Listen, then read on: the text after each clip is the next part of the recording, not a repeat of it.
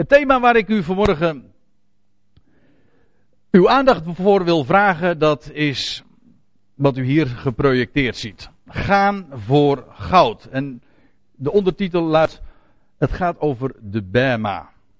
Een term, woord dat velen van u misschien wel bekend is en anderen van u Anderen zeggen misschien, daar heb ik nog nooit van gehoord. Wel, geen nood, daar gaan we het gewoon wat uitgebreider over hebben. En het is op verzoek dat ik dit onderwerp eens met u wil bespreken. Waarom?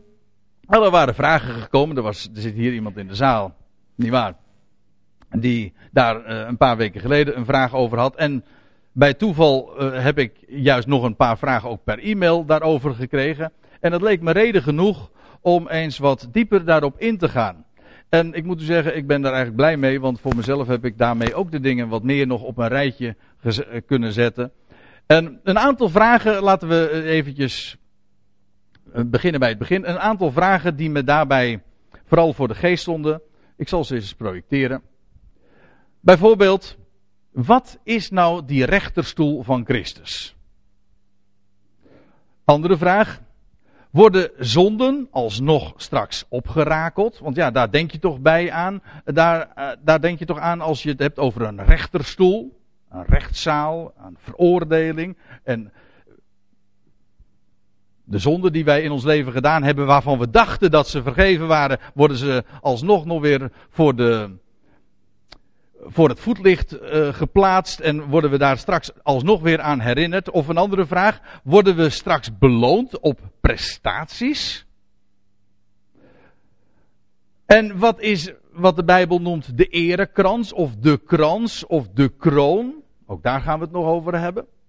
En tenslotte, en dat is de vraag eigenlijk die in al die vragen doorklinkt, staat het gaan voor goud? en voor die erekrans en die hele, die hele kwestie van die rechterstoel, staat dat niet haaks juist op het leven uit genade? Nou, dat is een heel belangrijk punt. En ik denk dat we ook voor, ons, in de, voor de praktijk van ons leven, dat we daar ook duidelijkheid over moeten hebben.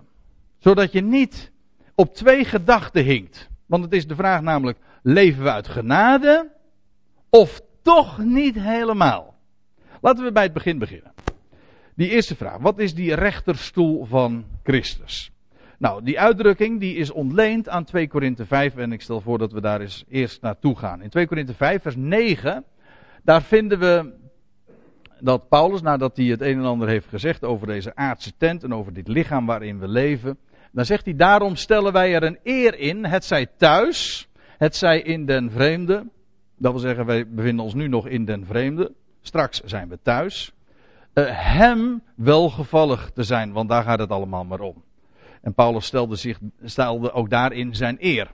En dan komt het, vers 10. Want, zegt hij, wij moeten alle voor de rechterstoel van Christus openbaar worden, opdat een ieder wegdragen wat hij in zijn lichaam verricht heeft, nadat hij gedaan heeft, het zij goed, het zij kwaad. Nou, over de rest van die zin, die niet onderstreept staat, daar zal ik straks nog even op terugkomen. Maar eerst eventjes dat woord. De rechterstoel van Christus. Kijk, bij een, de term rechterstoel denk je aan een rechtszaal.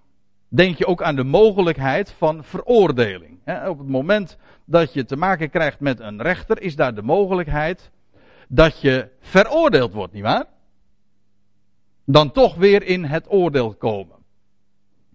En dat is een hele valse gedachte. Want dat is namelijk helemaal niet de betekenis van het woord. We komen helemaal niet in aanraking met justitie of zo, of met de mogelijkheid van veroordeling. Die, die term rechterstoel, daar staat in het Grieks het woordje bema. Kijk, daar hadden we het dus eventjes al eerder hierover. Over de bema. Dat woord, dat betekent, dat is afgeleid van een woord dat stappen betekent, of een, een opstap eigenlijk. En daarmee is het gewoon een verhoging. Een podium. En dat brengt ons in een totaal andere sfeer. De uitdrukking heeft niets te maken met een rechtszaal. Maar het heeft te maken met de Olympische Spelen. Ja, echt waar. Het is namelijk zo dat die uitdrukking De Bema, dat is een, een, een, een podium. En dat woord dat werd gebruikt in verband met de spelen, de sporten, die toen er ook al waren, de Olympische Spelen. U weet, Olympische Spelen komen uit Griekenland, uit Olympus. Maar dat, die, die spelen die zijn al duizenden jaren oud. Wel, in verband met die Olympische Spelen werd die, dat woord Bema ook gebruikt. Want na afloop van die Spelen, na afloop van de wedstrijd, werden de spelers de prijzen uitgereikt en geroepen op het podium.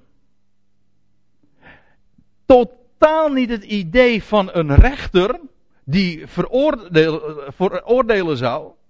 Nee, daar werden prijzen uitgereikt.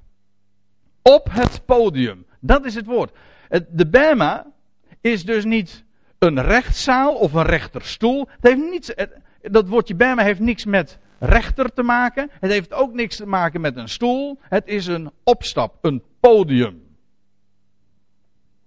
En dan gaan we even terug nog naar, die, naar dat woord. Naar 2 Korinthe 5 vers 10. Want wij allen moeten verschijnen, staat er, schrijft Paulus dan, voor het erepodium van Christus. Wat een totaal andere gedachte. Niet de rechterstoel. Nee, het erepodium van Christus. Opdat vergoed zal worden. Ik geef het nu meteen weer zoals het er staat. Hetgeen door, dat wil zeggen door middel van, het lichaam is verricht. Het zij goed of kwaad. Nou, op het laatste moeten we nog eens eventjes wat dieper ingaan. Want op hetgeen door middel van het lichaam is verricht. De vraag is dan, door wie? Nou, dan gaan we eventjes terugbladeren. We blijven in de Korinthebrieven, maar we gaan dan naar 1 Korinthe 15. Een heel mooi vers, 1 Korinthe 15, vers 58. Waar Paulus schrijft, daarom mijn geliefde broeders, de afsluiting van een hoofdstuk. U weet 1 Korinthe 15 is het hoofdstuk dat in zijn geheel gaat over, waar we zojuist ook over gezongen hebben, over de opstanding van Christus, over die steen die is weggewenteld. En schrijft Paulus dan, blijf daarin staan, in die waarheid. Daarom, mijn geliefde broeders, wees, letterlijk staat er, word standvastig. Want ze stonden wel in die boodschap, maar ze stonden daarin niet vast. Ze werden gemakkelijk heen en weer bewogen. Daarom schrijft Paulus, daarom, mijn geliefde broeders, word standvastig, onwankelbaar, ten alle tijde overvloedig in het werk des Heren. Let op hoe het hier staat. In het werk des Heren. Er staat hier niet in het werk voor de Heer. Er staat hier het werk des Heeren en dat betekent het werk van de Heer. Weet je wat het verschil is? Het verschil is, is heel simpel. Het, het werk voor de Heer, dat, als ik werk voor de Heer, dan werk ik voor Hem. Als het het werk van de Heer is, dan is Hij degene die werkt. Hij werkt. En Paulus schrijft, wees overvloedig in zijn werk. Dat wil zeggen in het werk dat Hij verricht. En hoe word je daar overvloedig in? Door te jakkeren? Nee, wat hier precies staat. Door standvastig te zijn. Onwankelbaar. In die machtige waarheid van dat de steen is weggewenteld en dat de eersteling is verrezen en dat de dood overwonnen is. Nog niet er niet gedaan, maar dat de dood is overwonnen. Sta daarin. Juist daar, door daarin te staan, standvastig, onbewogen, word je overvloedig in zijn werk. Dan gaat hij zijn werk in jou doen, maar ook door jou doen, want het is ook een drive. Dat wil zeggen, het is een, een, een motivator, het, het zet in beweging. Dat is waar Paulus het ook over heeft. Eerder in het hoofdstuk had hij al gezegd: Ik heb, ik heb meer gearbeid dan, dan al mijn collega-apostelen. Apostelen. Hij zegt maar niet ik, maar de genade Gods die met mij is. Dat wil zeggen, het was de genade, de vreugde die hij had ontdekt en had gezien, die in hem zo'n enorm motief was. Eh, daar zit het woordje motion in. Hè? Beweging. Het zette hem in beweging. Een drive met recht, ja. En Paulus schrijft er nog, nog bij. Ten alle tijde overvloedig in het werk van de Heer, wetende dat uw arbeid niet vergeefs is in de Heer. Dat wil zeggen, die arbeid die wordt beloond. En dat is mooi.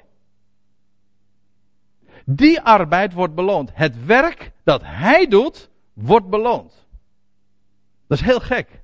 Of ja, eh, gek. Het is heel vreemd, maar ik wijs erop omdat zo opvallend is. En iedere keer stuit je daar weer op. Op het werk dat hij doet. En dat is nooit te vergeefs. Ik wil u op een ander ding nog wijzen. In openbaring 22. Openbaring 22. Daar staat, het is het laatste hoofdstuk, daar zegt de Heer Jezus zelf, zie ik kom spoedig. Dat wil zeggen, ik kom met spoed. Dan als ik kom, dan zal, ik, zal het gebeuren met spoed. Het betekent niet direct van ik kom gauw, maar als ik kom, dan kom ik met snelheid, met spoed.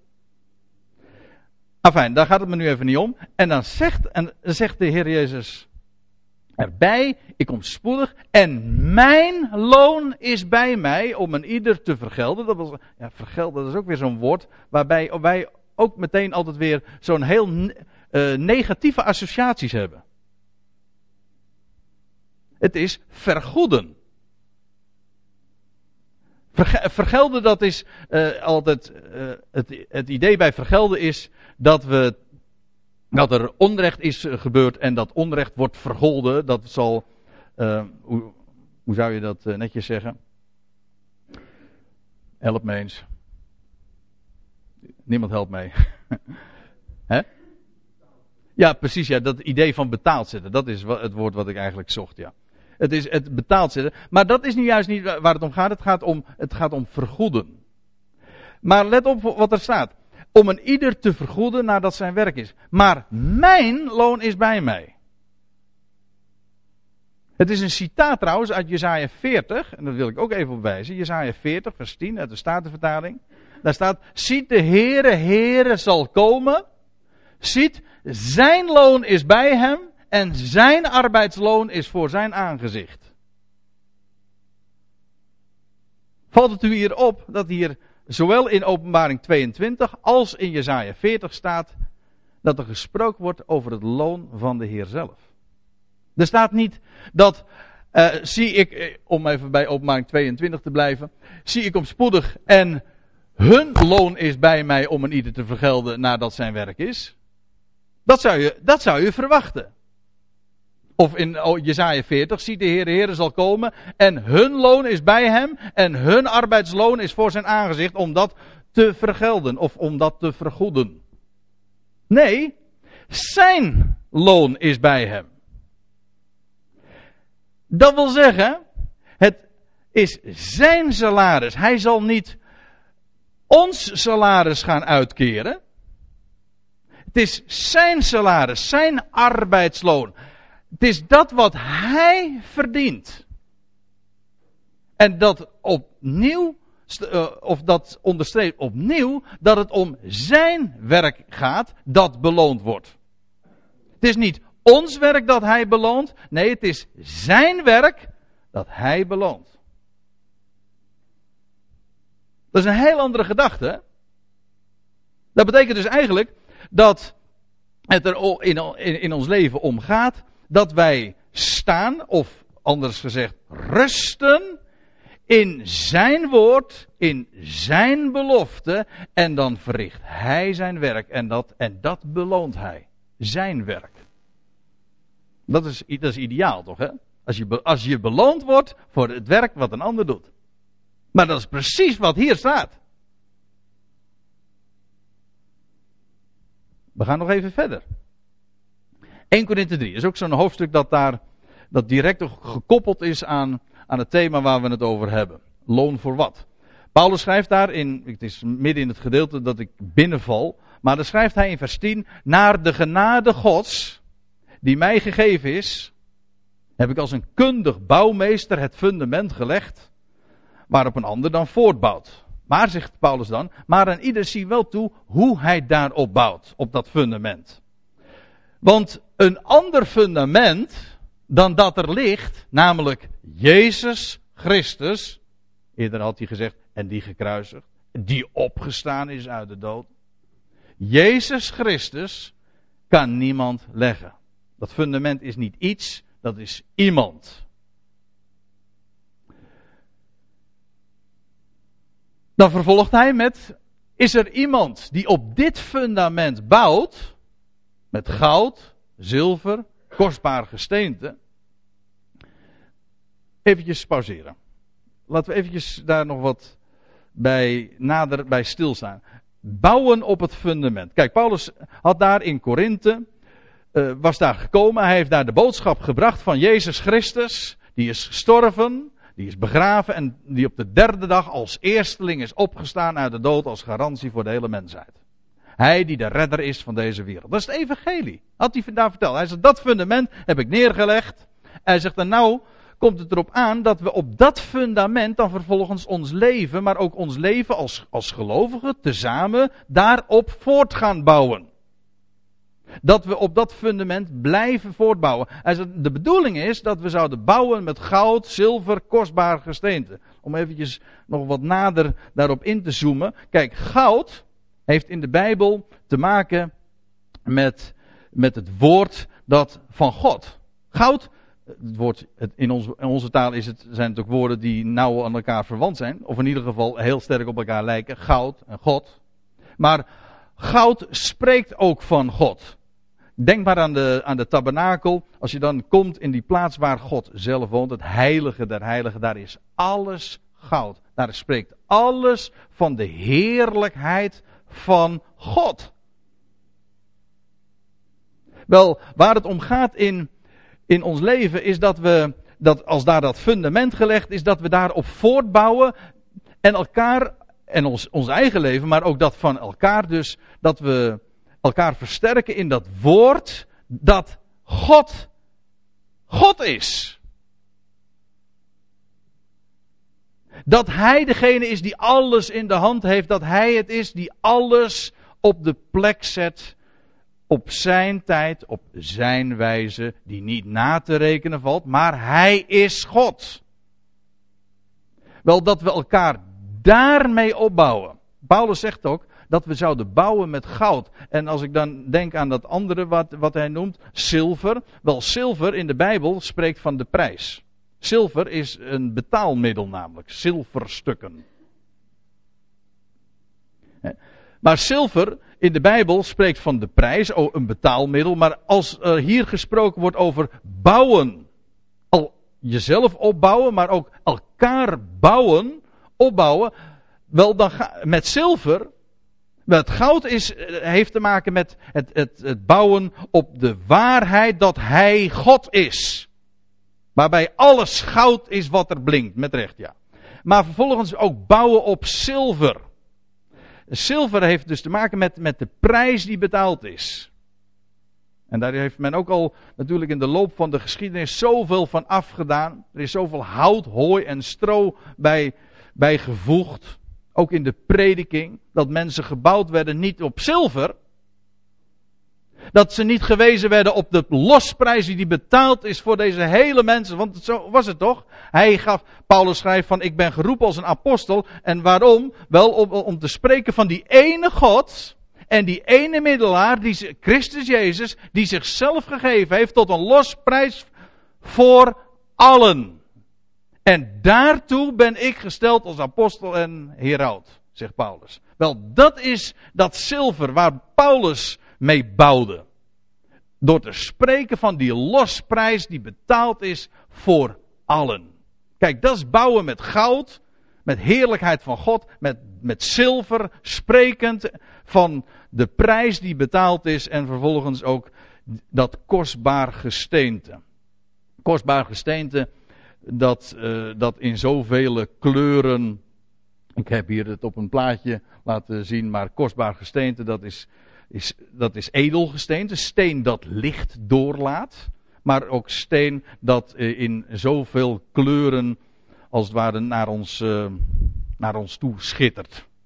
Het heeft te maken, dat is niet zo moeilijk, ik wil daar nu verder niet, uh, niet wat dieper op ingaan, want dat zou het afleiden van het onderwerp, maar het heeft te maken met die veelkleurige wijsheid van God. Paulus had gesproken over, over de, de geheimenissen die hem waren bekendgemaakt Wel, zegt hij, dat zijn de geheimenissen van de veelkleurigheid van God. Dat is kostbaar gesteente, zo machtig, zo veelkleurig, zo rijk geschakeerd, zo vol van perspectieven. Kijk, waar het om gaat in ons leven is dat het gebouwd is, en dat is ook het enige wat werkelijk opbouwt, wanneer het gebaseerd is op de waarheid dat er dat Hij God is. Er is één God. En dat Hij het is die zijn zoon heeft gegeven en die de losprijs betaald heeft voor alle. Dat is zilver. En, en wat daar allemaal weer mee te maken heeft met de perspectieven die dat alles opent, wel dat is dat kostbare gesteente. Dat is, die, dat is die veelkleurige wijsheid van God. Dat is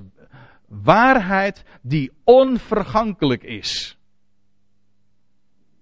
Want nou moet ik eventjes doorgaan, want Paulus zegt, is er iemand die op dit fundament verder bouwt met goud, zilver, kostbaar gesteente, maar dan gaat hij verder. Het kan namelijk ook nog anders. Dat is in contrast daarmee. Met hout, hooi of stro. Ieders werk zal aan het licht komen. Het zal allemaal een keer blijken wat werkelijk waardevast is en wat zijn waarde zal blijven houden. Want, waar staat er? De dag zal het doen blijken. Omdat hij, die omdat die dag, daar gaat het over, met vuur verschijnt. En hoedanig, let op, hoedanig, niet hoeveel, maar wat voor aard, wat voor karakter ieders werk is. Nou, dat zal het vuur uitmaken. Waarbij het vuur uitmaken niet betekent dat het vuur gedoofd wordt. Maar dat betekent dat uh, het vuur zal het beslissen. Het vuur zal inderdaad aan het licht brengen wat hout hooi of stro is. En aan de ene kant. Aan de andere kant wat goud, zilver en edelgesteente is. Het een blijft namelijk, of het een zal vergaan, het ander zal blijven bestaan. Dat is namelijk onvergankelijk. Kenmerk van goud, zilver en edelgesteente is dat het zich niet laat verbinden met, met zuurstof. Goud roest niet, zilver roest niet, uh, dat kostbaar gesteente kun je ook niet verbranden. Dat doorstaat het vuur. Indien het werk dat hij erop gebouwd heeft standhoudt, staat er dan vervolgens in vers 14, en dat schrijft Paulus, indien het werk dat hij erop gebouwd heeft standhoudt, dan zal hij loon ontvangen. Ik kom daar straks op terug. We hadden het trouwens al even over dat loon. Maar kijk, dat goud, zilver en kostbaar gesteente, dat doorstaat het vuur, dat doorstaat de tijd. Dat is waardevast.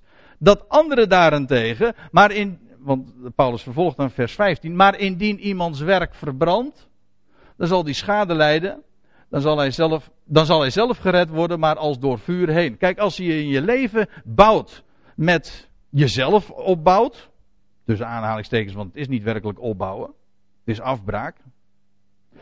Maar ook het leven van anderen bouwt met hout, hooi en stro. Kijk, als goud, laat ik het zo zeggen. Als goud, zilver en edelgesteente nou spreekt van het woord van hem. En de prijs die hij betaald heeft. En over die veelkleurige rijkdom en wijsheid die hij in zijn woord neerlegt. En dat ons zo enorm blij maakt. Werkelijk goed bericht. Het beste nieuwsbericht zoals we dat eh, zojuist ook eh, bezongen. Kijk, dat bouwt op. Dat zal zijn waarde houden. Dat heeft zijn waarde nu, omdat het werkelijk vrede geeft en blij maakt. Maar het zal ook zijn waarde blijken te behouden. Al het andere niet. Mensenwoord niet. Ook al is het heel vroom. Hout, hooi en stro. Weet u wat daarmee gebeurt? Dat is dit.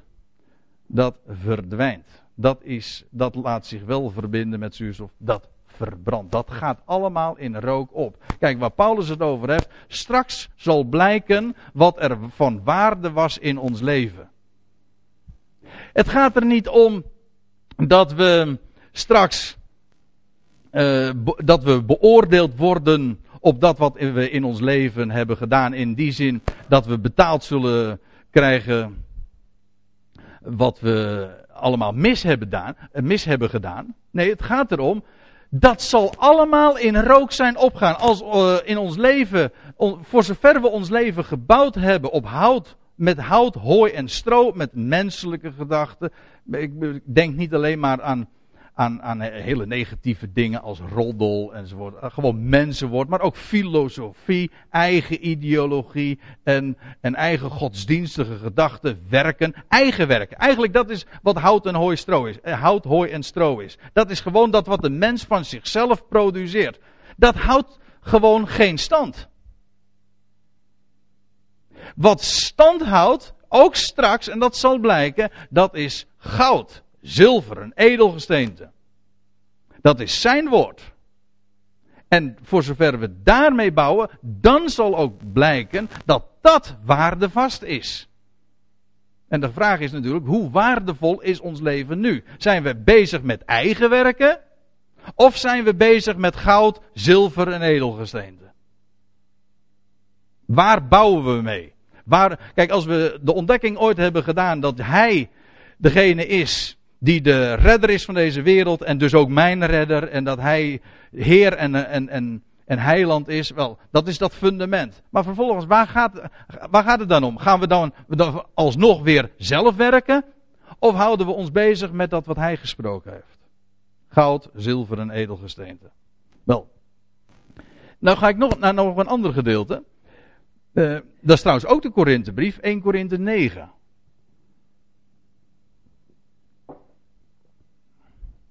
...1 Korinthe 9. En dan lees ik... ...ook daar val ik weer midden in een gedeelte... ...waar Paulus een heel betoog houdt... ...maar dan schrijft hij, en dat is min of meer aan het eind van dat gedeelte... ...hij zegt, ik ben voor de zwakke zwak geworden. Hij had daar... had hij al geschreven dat hij... ...een paar versen daarvoor, hij zegt... ...ik doe alles... Hij zegt om Joden te winnen. Hij zegt voor de Joden ben ik een Jood geworden. Om Joden te winnen. Voor Grieken ben ik een Griek geworden om Grieken te winnen. Hij zegt, en dan zegt hij in vers 22, hij zegt ik ben voor de zwakken. Wat hij daar precies mee bedoelt, dat, dat zou je in dat verband nader moeten bezien. Hij, hij, hij beschrijft dat ook. Hij zegt ik ben voor de zwakken zwak geworden. Waarom? Om die zwakken te winnen. Dat is waar Paulus allemaal uh, het om te doen was. Om, te, om mensen te winnen. Hij zegt, voor allen ben ik alles geweest om in elk geval enige te redden. En ik ga nog even verder. Alles doe ik, en dat is feitelijk de conclusie die hij trekt. Alles doe ik ter wille van dat beste nieuwsbericht. Het evangelie. Om er zelf ook deel aan te verkrijgen. Dat is een eigenaardige zin. Want je zou misschien op het eerste gezicht denken van, heeft Paulus dan geen deel aan dat evangelie? Ja, natuurlijk wel. Hij had deel aan het evangelie, maar om zijn aandeel daarin te vergroten. Om steeds meer deel te krijgen aan dat evangelie, aan die blijde boodschap. Kijk, wat het, kijk weet je wat het mooie is? Als, met, met gewoon geld zou je nog kunnen zeggen van dat als je, als je iets hebt en je gaat het delen, dan krijg je, heb jij minder. Je, daar, daarom noemen we het ook, dan ga je delen. Als ik, als ik hier een appel heb en ik doe het in, in vieren en ik geef u allemaal een stukje, hè, dan, dan deel je het. Dan, en ik hou zelf één stukje, dan, dan had ik een hele appel en dan deel ik het en dan heb ik minder. Maar het mooie van, van eh, die genade van God is, hoe meer dat evangelie waar Paulus het hier over heeft, als je dat deelt, wordt het niet minder, het wordt juist meer. De blijdschap wordt groot. We, we zeggen dat ook wel eens een keer. Gedeelde smart is halve smart. Maar gedeelde vreugd, dat is dubbele vreugd. Toch? Daar waar je de vreugde deelt met een ander, daar wordt de vreugde alleen maar groter. We lezen in Handelingen 20 ook dat die uitspraak dat uh, het is gelukkiger te geven dan te ontvangen. Juist daar waar je van die rijkdom van God uitdeelt, daar word je zelf alleen maar rijker van. Dat is trouwens een algemeen principe hoor, in de Bijbel. Als je, als je, als je rijkdom weggeeft, daar word je alleen maar rijk van. Schijnt zelfs, of schijnt, maar als je in het boek Spreuken leest, is geldt dat zelfs voor gewone materiële rijkdom. Het is niet zo van dat als je dat weggeeft, dat je armer wordt. Integendeel, daar, dan vermenigvuldig je je bezit alleen maar. Nou goed, dat is nu verder niet het onderwerp. Maar Paulus zegt, daar gaat het eventjes om, even terug te komen bij de kern. Paulus schrijft, hij doe alles ter wille van dat evangelie om er zelf uh, ook deel aan te verkrijgen. Dat wil zeggen, om, om mijn aandeel daar al in te vergroten. Weet, en dan, en dan komt dat, dat beeld van die renbaan. Weer, van die Olympische Spelen. waaraan hij refereert. Weet gij niet dat zij die in de renbaan lopen, alle wel lopen, doch dat slechts één de prijs kan ontvangen, loop dan zo dat gij die behaalt. Ik moet direct denken aan wat we in Hebreeën 12 lezen. Dat is, dat is, of het dezelfde auteur is, laat ik hier in het midden, maar daar schrijft de schrijver. Met volharding de wedloop lopen.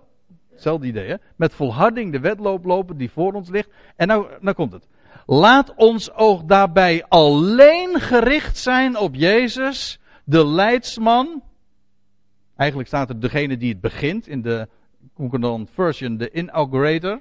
Degene die het, die, het, die het geloof start. En degene die het completeert, degene die het voleindigt. De leidsman, dat wil zeggen de beginner, de starter, de opener of en tegelijkertijd ook de voleinder van het geloof. Kijk, waar het hele idee bij die renbaan is niet dat we zouden jakkeren. Dat is het idee. Het idee bij die renbaan en die wedloop is dat we gefocust zijn op één ding. En waarbij zouden we gefocust zijn? Wel op die ene. Hier wordt hij genoemd Jezus.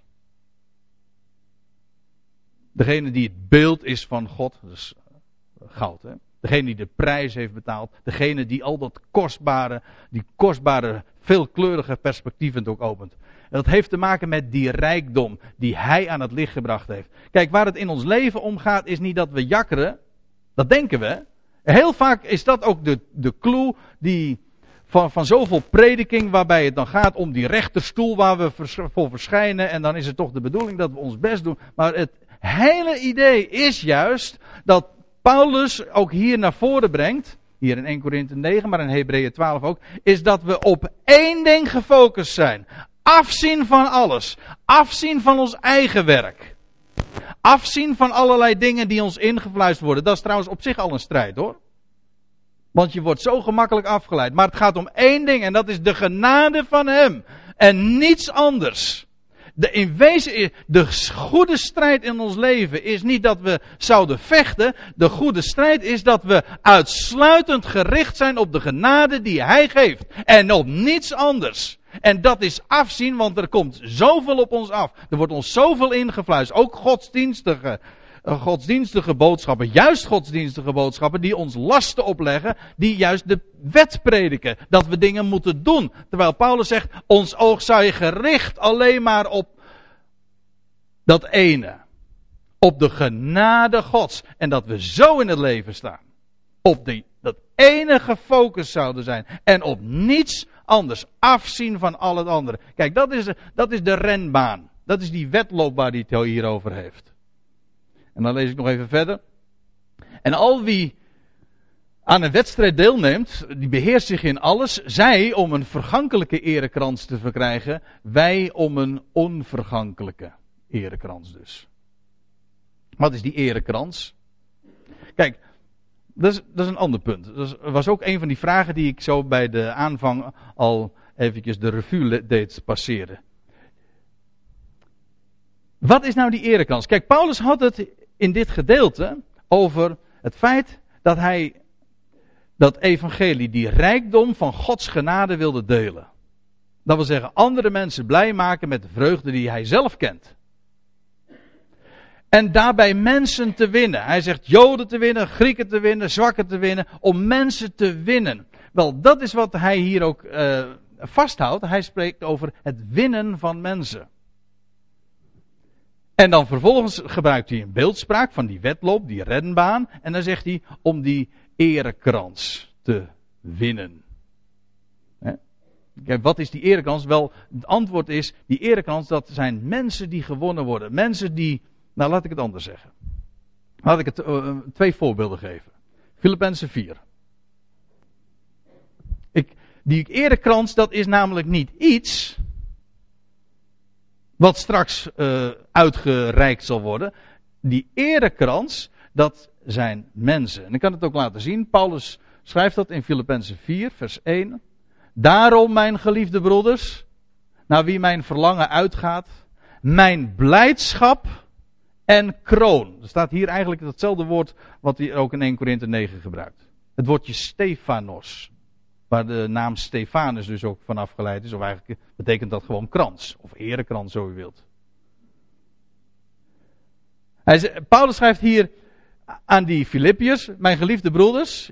Hij zegt, nou jullie gaan mijn verlangen uit en jullie zijn mijn blijdschap, mijn vreugde en krans, mijn erekrans. Staat al zo vast, staat al zo vast in de Heer. Hij spreekt niet over jakkeren, hij spreekt niet over werken, hij spreekt over dat vaststaan in die Heer en in die blijdschap van Hem en de genade die Hij geeft. En hij, hij zegt, jullie zijn mijn krans. Want hoezo krans? Wel, Paulus had zelf die rijkdom leren kennen, maar waar, hij, waar het hem nu om ging, is om die rijkdom ook uit te delen aan anderen. Om mensen, andere mensen weer blij te maken met die vreugde. Kijk, dat is, dat is waar die erekrans over gaat. Als je andere mensen het mag blij maken met de rijkdom van hem. Daarom zegt hij ook van, jullie zijn mijn blijdschap, mijn vreugde, mijn krans. Ik kan nog een voorbeeld geven, 1 Thessalonica 2. Vers 19 staat eigenlijk exact hetzelfde. Want wie is onze hoop of blijdschap of erekrans voor onze Heer Jezus bij zijn komst? Wie anders dan gij? Kijk, straks zal blijken wat er aan waarde is geweest in ons leven. En wat zal waarde hebben? Kijk, de zonden worden niet gedacht. Kijk, dat is, dat is toch de waarheid van ons leven? Wij, als we Hem hebben leren kennen, dan weten we, er is helemaal geen veroordeling. Voor wie in Christus Jezus zijn. De zonden worden niet gedacht. Integendeel. Maar wat, wat straks aan het licht zal komen, is wat Hij heeft kunnen doen in ons leven. Wat was waardevol in ons leven? En in welke mate hebben we andere mensen ook kunnen delen, laten delen in de rijkdom die we hebben gevonden? Kijk, en dat is een erekrans. Als je andere mensen blij hebt mogen maken met de vreugde van zijn woord. Dat is die erekrans. Is dat een verdienste? Nee, natuurlijk niet.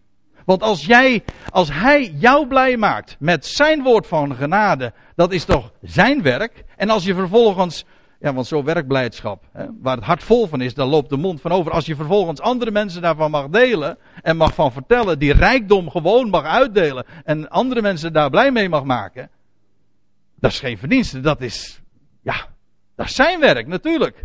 Maar dat is nu juist wel die erekrans die straks uitgereikt zal worden. Het is allemaal zijn werk. Dat zal waarde blijken te hebben. En zijn woord. Dat is, trouwens ook nog het idee van die heilige krans. Toen ik zo bezig was met het onderwerp, toen kwam ik daar ook nog op. Ik kwam over, die, over zo'n lauwerkrans. Een lauwer betekent trouwens, uh, komt van laurier, maar betekent lof. Hè, die straks gegeven wordt. Maar de lof die toegebracht zal worden, is de lof om wat hij werkt. Maar het hele idee van, u kent het toch, hè, van die heilige krans, zo'n aureool. Nimbus heet het ook wel. En waarmee heiligen, in de, die oude plaatjes wordt het altijd zo afgebeeld. Een heilige dat is iemand met een krans. Een, een krans om het hoofd. Het idee daarbij is dat een heilige, en eh, ontdoe het nou eventjes van al zijn, zijn, zijn poespas en van waar, waar het in de traditie allemaal nog weer mee, mee vermengd is. Maar het idee erachter is, een heilige, dat is iemand die verlicht is. En eh, hoezo? Wel, iemand die in staat is, juist daarom dat je zelf licht in de ogen hebt, om andere mensen ook het licht te geven. Om andere mensen te laten stralen. En dan krijg je het idee dus van, van, van licht. Je kunt vele beelden hebben. Je kan uh, dit ook nog zien. Ja, Peter, dat vond je niet zo leuk misschien.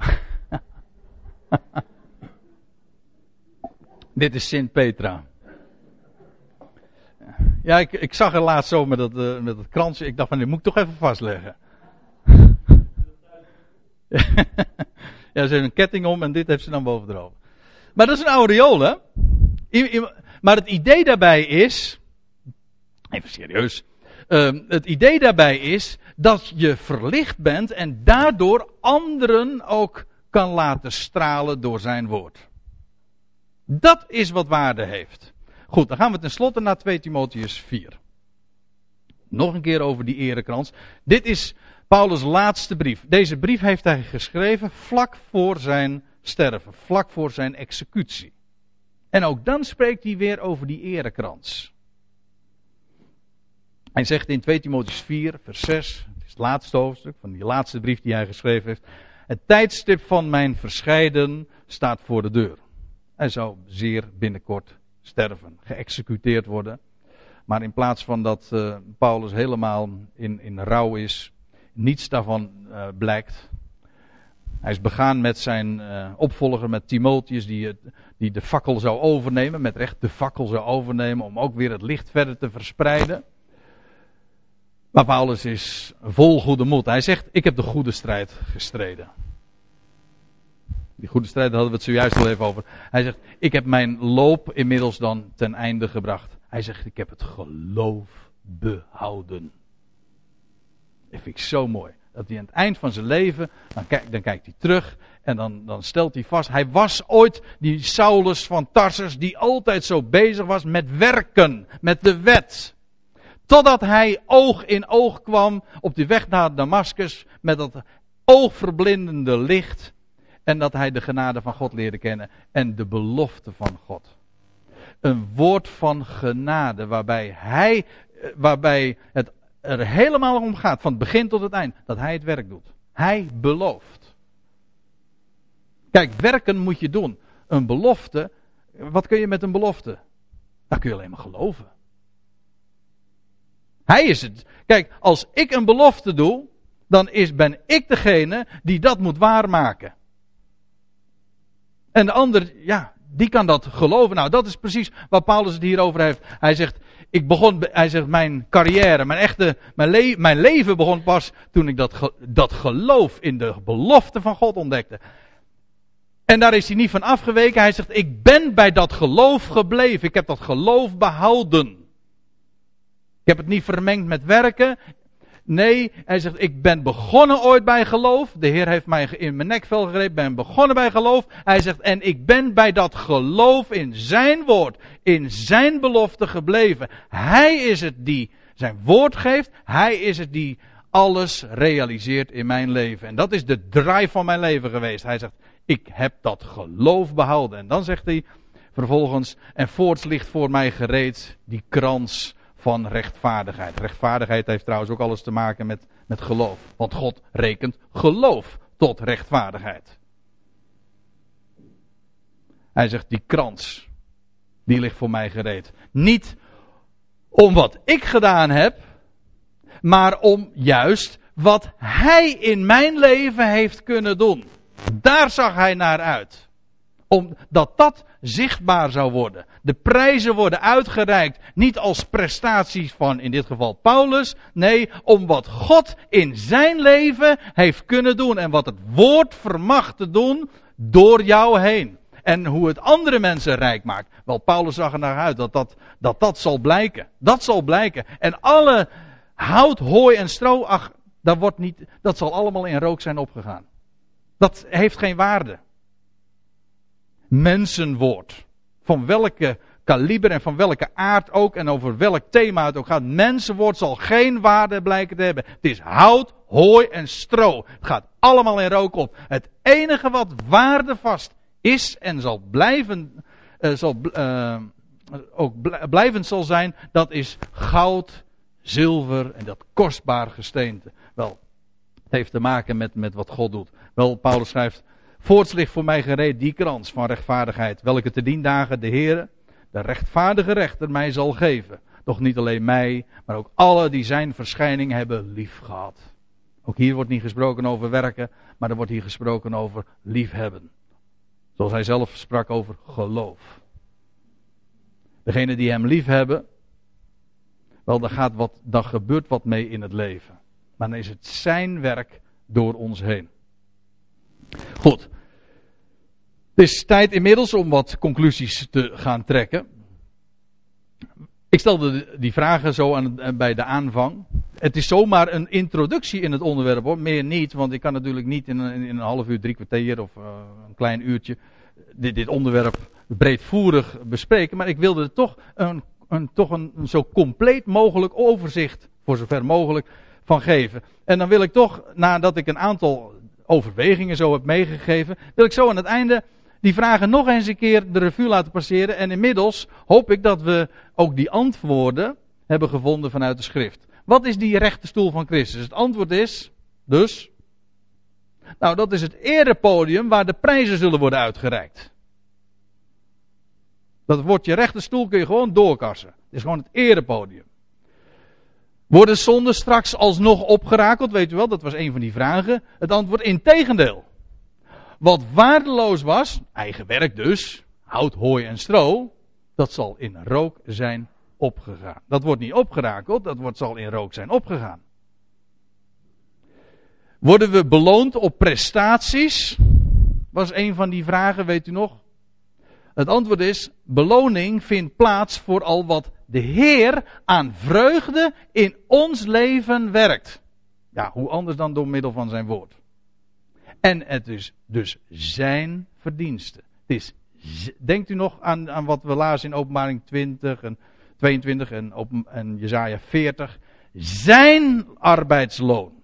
Het is zijn werk. En dat wordt beloond. En wat is die erekrans? Nou, daar hadden we het zojuist uh, kort uh, paar minuten geleden nog over. Het antwoord is, dat zijn anderen die gewonnen, dat wil zeggen, blij gemaakt werden door de rijkdom die we met hen deelden. Dat is die erekrans en dat zal straks ook allemaal openbaar worden. Dat zullen we als het ware, daarvan zullen we straks ook gaan stralen. Dat is, eh, die, dat, is die, dat aureool. Daar zullen we straks van gaan stralen. Straks zullen we de vreugde gaan beleven waarmee we dat we zullen zien en ontdekken hoe we anderen of hoe hij door ons heen anderen heeft kunnen rijk maken, blij kunnen maken met zijn woord en met zijn genade. En staat het gaan voor goud, hè, waar, wat de titel was ook van deze studie, staat het gaan voor goud niet haaks op leven uit genade? Nou, ik hoop dat u inmiddels zelf ook allemaal het antwoord daarop kunt geven. Het antwoord is nee, integendeel. Goud staat juist voor het leven uit genade. Dat is het juist. En dat is het enige wat telt in ons leven. Om daar volledig op gefocust te zijn, op dat goud, op die genade, op dat wat hij werkt. Dat is wat zijn waarde zal hebben, wat zijn waarde nu heeft en ook zal behouden. Dat we daarvoor zouden gaan en daarmee ook af zouden zien van al het andere, want dat telt niet. Laat ons afleggen, staat er dan ook in Hebreeën 12. Alles wat dat gewoon in de weg staat. Zo gemakkelijk in de weg staat. En af te zien van al het andere. En slechts dat wat waarde heeft. Goud, zilver en dat kostbare gesteente. Daar gaat het om.